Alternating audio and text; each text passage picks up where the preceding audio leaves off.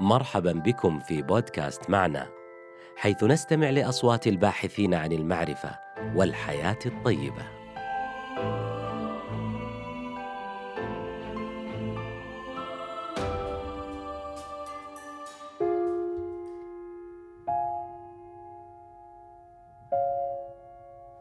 تخيل يوم تسأل سعودي وهندي وألماني مثلا هل أنتم سعداء؟ هل تعتقد أنهم سيفهمون السؤال بنفس الطريقة أم أن مفهوم السعادة يختلف حسب ثقافة البلد واللغة والدين والحضارة؟ كيف تغير مفهوم السعادة عبر التاريخ؟ ما هي علاقة ذلك بنزعة التسوق والاستهلاك؟ وما أثر ذلك على تركيبة المجتمع ومعدلات القلق والاكتئاب؟ أنا محمد الحاجي أكون معكم من منصة معنا لنقاش الأسئلة الكبرى عبر مفاهيم علم النفس والمجتمع. أغلب الأدلة المتوفرة لدينا تتفق أن السعادة تاريخيا كانت ترتكز وكانت تعني الحظ السعيد، الحظ الجيد، أي أنها شيء خارجي يحدث على الإنسان، يأتي إلى الإنسان ولا يستطيع الإنسان صنعها بنفسه. مثلا أن تمطر وينتج محصول زراعي وفير في ذلك الموسم يصف الفلاح نفسه بأنه سعيد. الكتب القديمة جدا من الحضارة الصينية قبل 2500 سنة مثلا أو الشعراء الإغريق كانوا يشرحون السعادة على أنها حدث غيبي هي أشبه بالمصير المكتوب. بينما سقراط وأفلاطون وأرسطو كانوا يرون أن الفلسفة وفهم الجمال هي السعادة. أي أنهم أعطوا الفرد المقدرة على صنع السعادة ولو قليلا وبشكل محصور في فهم الفلسفة وتعلم الحكمة. الأديان كذلك ضخمت النظرة الغيبية للسعادة وأنها هدية إلهية تتحقق بالإيمان والطاعة في المجمل. استمرت هذه النظرة الغيبية حتى طرح إيمانويل كانت في القرن السادس عشر فكرته أن على الفلاسفة أن يركزوا ويعتبروا أن السعادة أمر فردي أمر خاص قابل للصنع ولا تتطلب ظروف خارجية.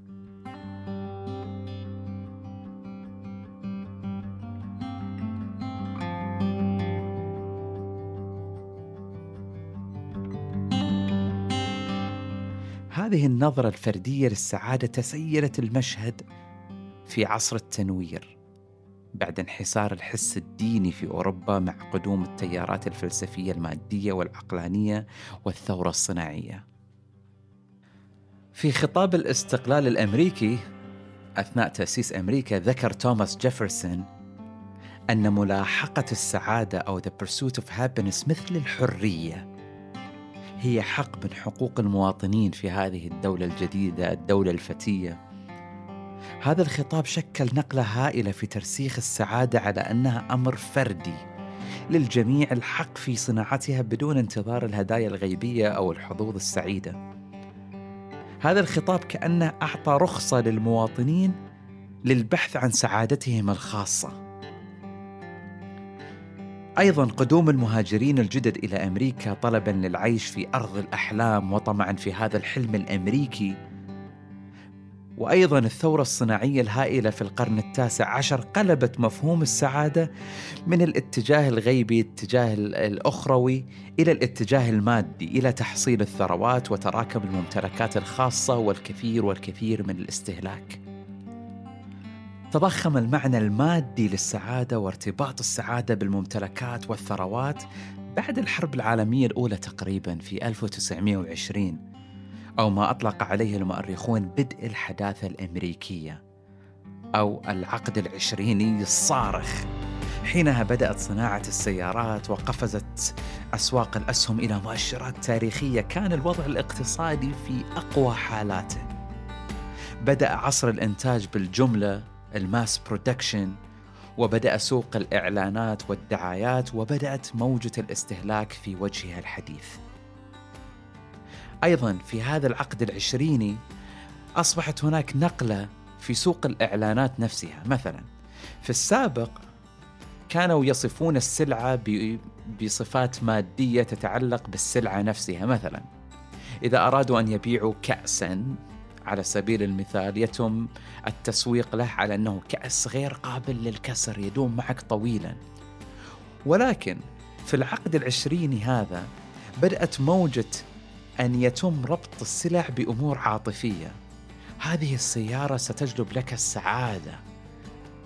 هذا الشيء سيضيف المرح في جو العائلة. مثلا هذا الارتباط العاطفي شكل نقلة نوعية في فهم الناس وفهم المجتمع حول السعادة. وكنتيجة حتمية لبروز المادة والممتلكات الخاصة وارتباطها الآن كمؤشر على السعادة ظهرت على السطح ما يعرف بالاستهلاك التفاخري أي الاستهلاك كممارسة اجتماعية تحدد من قيمة الفرد في المجتمع. مثل أن يحوز الفرد على سلع معينة مثل السيارات المذهبة أو الساعات النادرة لتعكس نجاحات هذا الفرد وإنجازاته مقارنة بالآخرين. في الاستهلاك التفاخري يتم شراء هذه السلع ليس لنفسها بل لوظيفتها الرمزية في تميز الفرد عن غيره.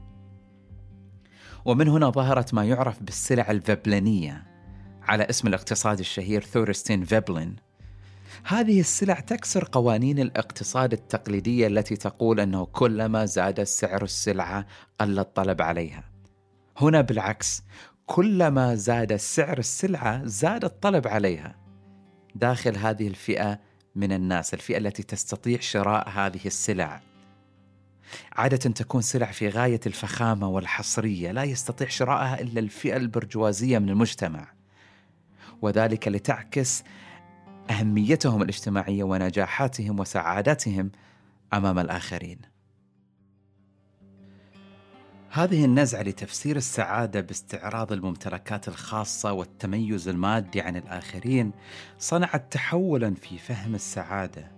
من كونها هم جمعي وإحساس جمعي ينبغي العمل على صناعته ونشره للمجتمع بشكل أوسع تحولت السعادة إلى مفهوم ضيق يختص بالفرد وإنجازاته وممتلكاته هو وفقط ملاحقة السعادة أصبحت هما فرديا وممارسة فردية يتصارع عليها الناس عبر الاستهلاك وتراكم الممتلكات الاقتصادية. في دراسة تحليلية لنصوص آلاف الكتب المنشورة بين 1800 إلى 2008 يعني تقريبا 200 سنة من الكتب اتضح لنا أن المصطلحات الدالة على السعادة المجتمعية تلاشت عبر الوقت وأخذت مكانها المصطلحات الدالة على السعادة الفردية. وهنا أقتبس لبومن عالم الاجتماع الشهير قوله هذا الاستهلاك المستمر قد تسبب في حالة من الفردية طغت على أهمية الجماعة فأصبح كل فرد يواجه الحياة بمفرده. فأضحى المجتمع عبارة عن جماعة تواجه مشاكلها بشكل فردي كل فرد على حدة.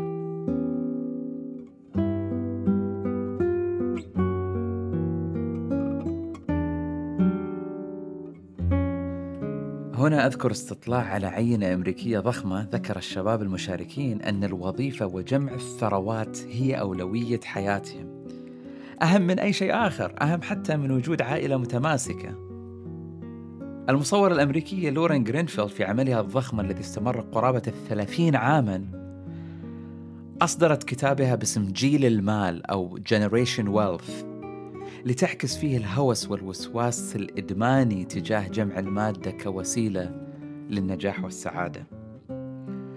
ولكن هل هذا النموذج ناجع وناجح؟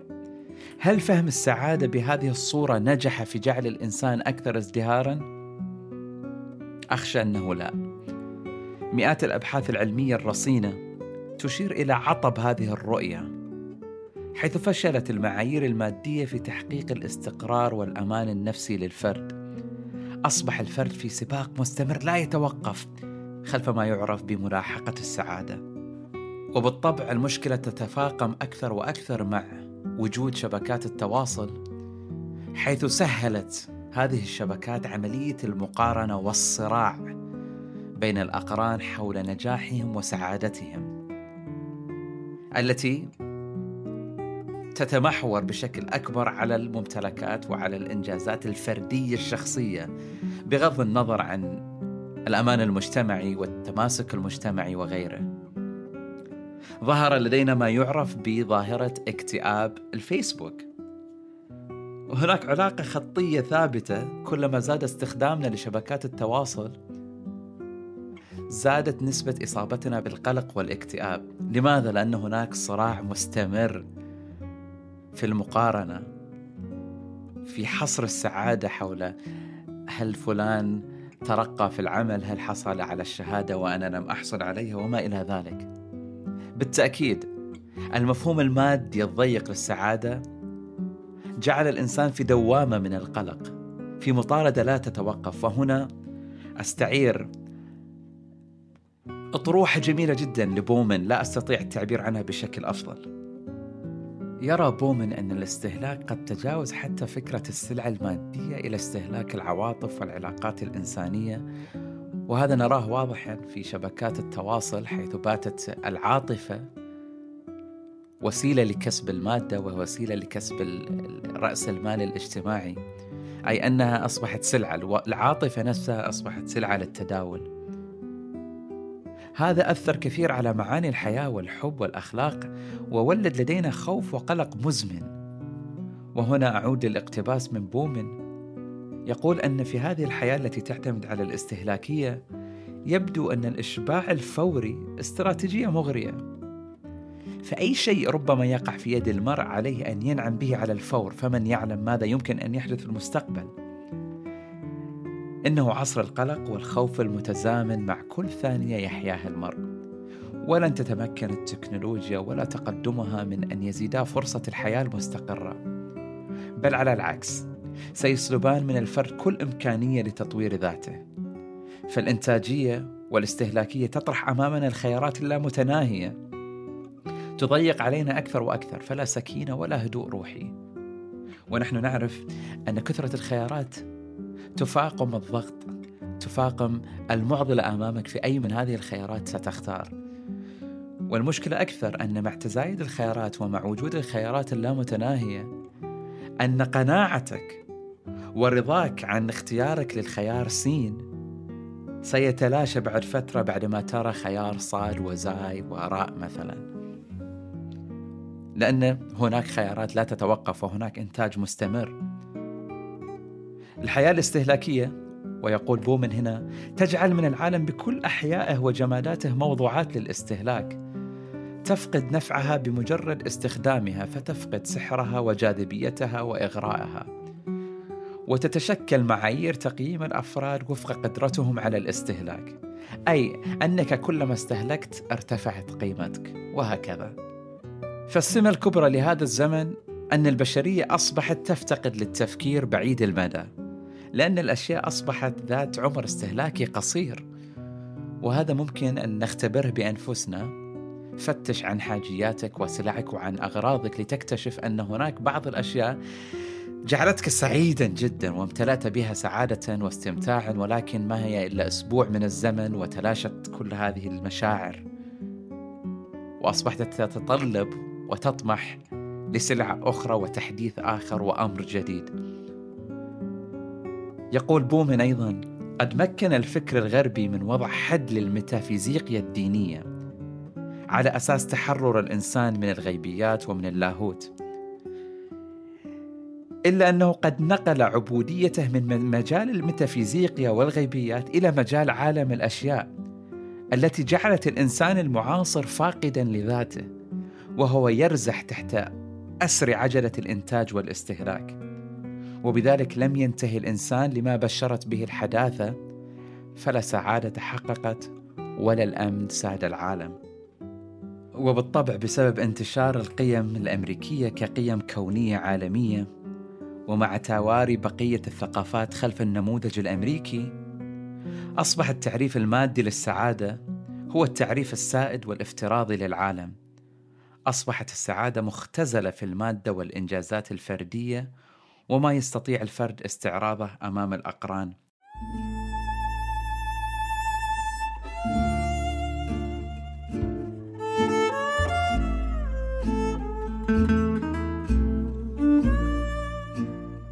ربما تتساءل الآن ثم ماذا؟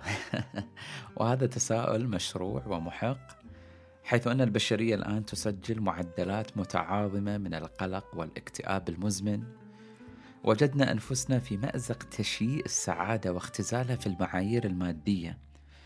قد يقول البعض صحيح أن الاضطرابات النفسية مرتفعة لأننا أصبحنا أقل خجلا للإفصاح عنها مقارنة بالأجيال السابقة أو لأن الطب تقدم فنستطيع الكشف عن هذه الاضطرابات بشكل أفضل وهذه دعاوي صحيحة. إلا أنها عوامل قزمة وقصيرة أمام المعضلة الكبرى أمام مشكلتنا في ملاحقة السعادة. من حسن الحظ أن لدينا أبحاث رصينة في علم النفس ترشدنا إلى النجاة والخروج من هذه الورطة. أولها أن نعيد تفسير وتعريف السعادة لتخرج من ضيق الفردانية إلى رحابة الحياة الاجتماعية. من اللهث المستمر اللانهائي خلف المادة والإنجازات الأنانية إلى المشاركة في بناء منجزات اجتماعية تساهم في تقدم المجتمع وعافيته. نعرف الآن من علم النفس التطوري أن الإنسان ما كان لينجو كل هذه السنين لولا أنه لم يكن كائن اجتماعي يستطيع أن يتحالف مع بقية العناصر في مجتمعه في مواجهة مخاطر الحياة. هذا لا يعني بالطبع تهميش المادة وتثبيت الطموحات نحو المنجزات أو هي دعوة للزهد، أنا لا أدعي هذا ابدا، ولكن لتكن هذه الممارسات وهذه الاهتمامات حول المادة حول الطموحات ممارسات كوسيلة وليست غاية في نفسها.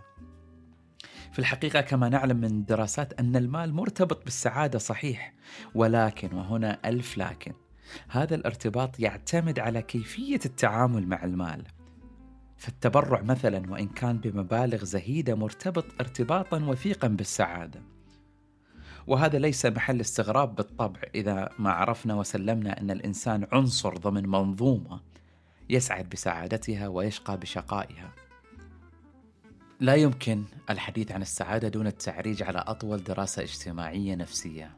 جرانت ستدي من هارفارد والتي لاحقت مئات المشاركين بحثا وطمعا لفك اللغز البشري الأبدي. ما الذي يسعد الإنسان؟ اكتشفنا بعد هذه كل البيانات الضخمة أن لا الطبقة الاجتماعية ولا الجينات ولا المادة ولا الممتلكات ولا الاستهلاك ولا الشهادة الجامعية هي التي تحدد سعادة الإنسان. العامل الأهم والأضخم هي اجتماعية الإنسان. شبكته الاجتماعية وعلاقاته السوية بالآخرين.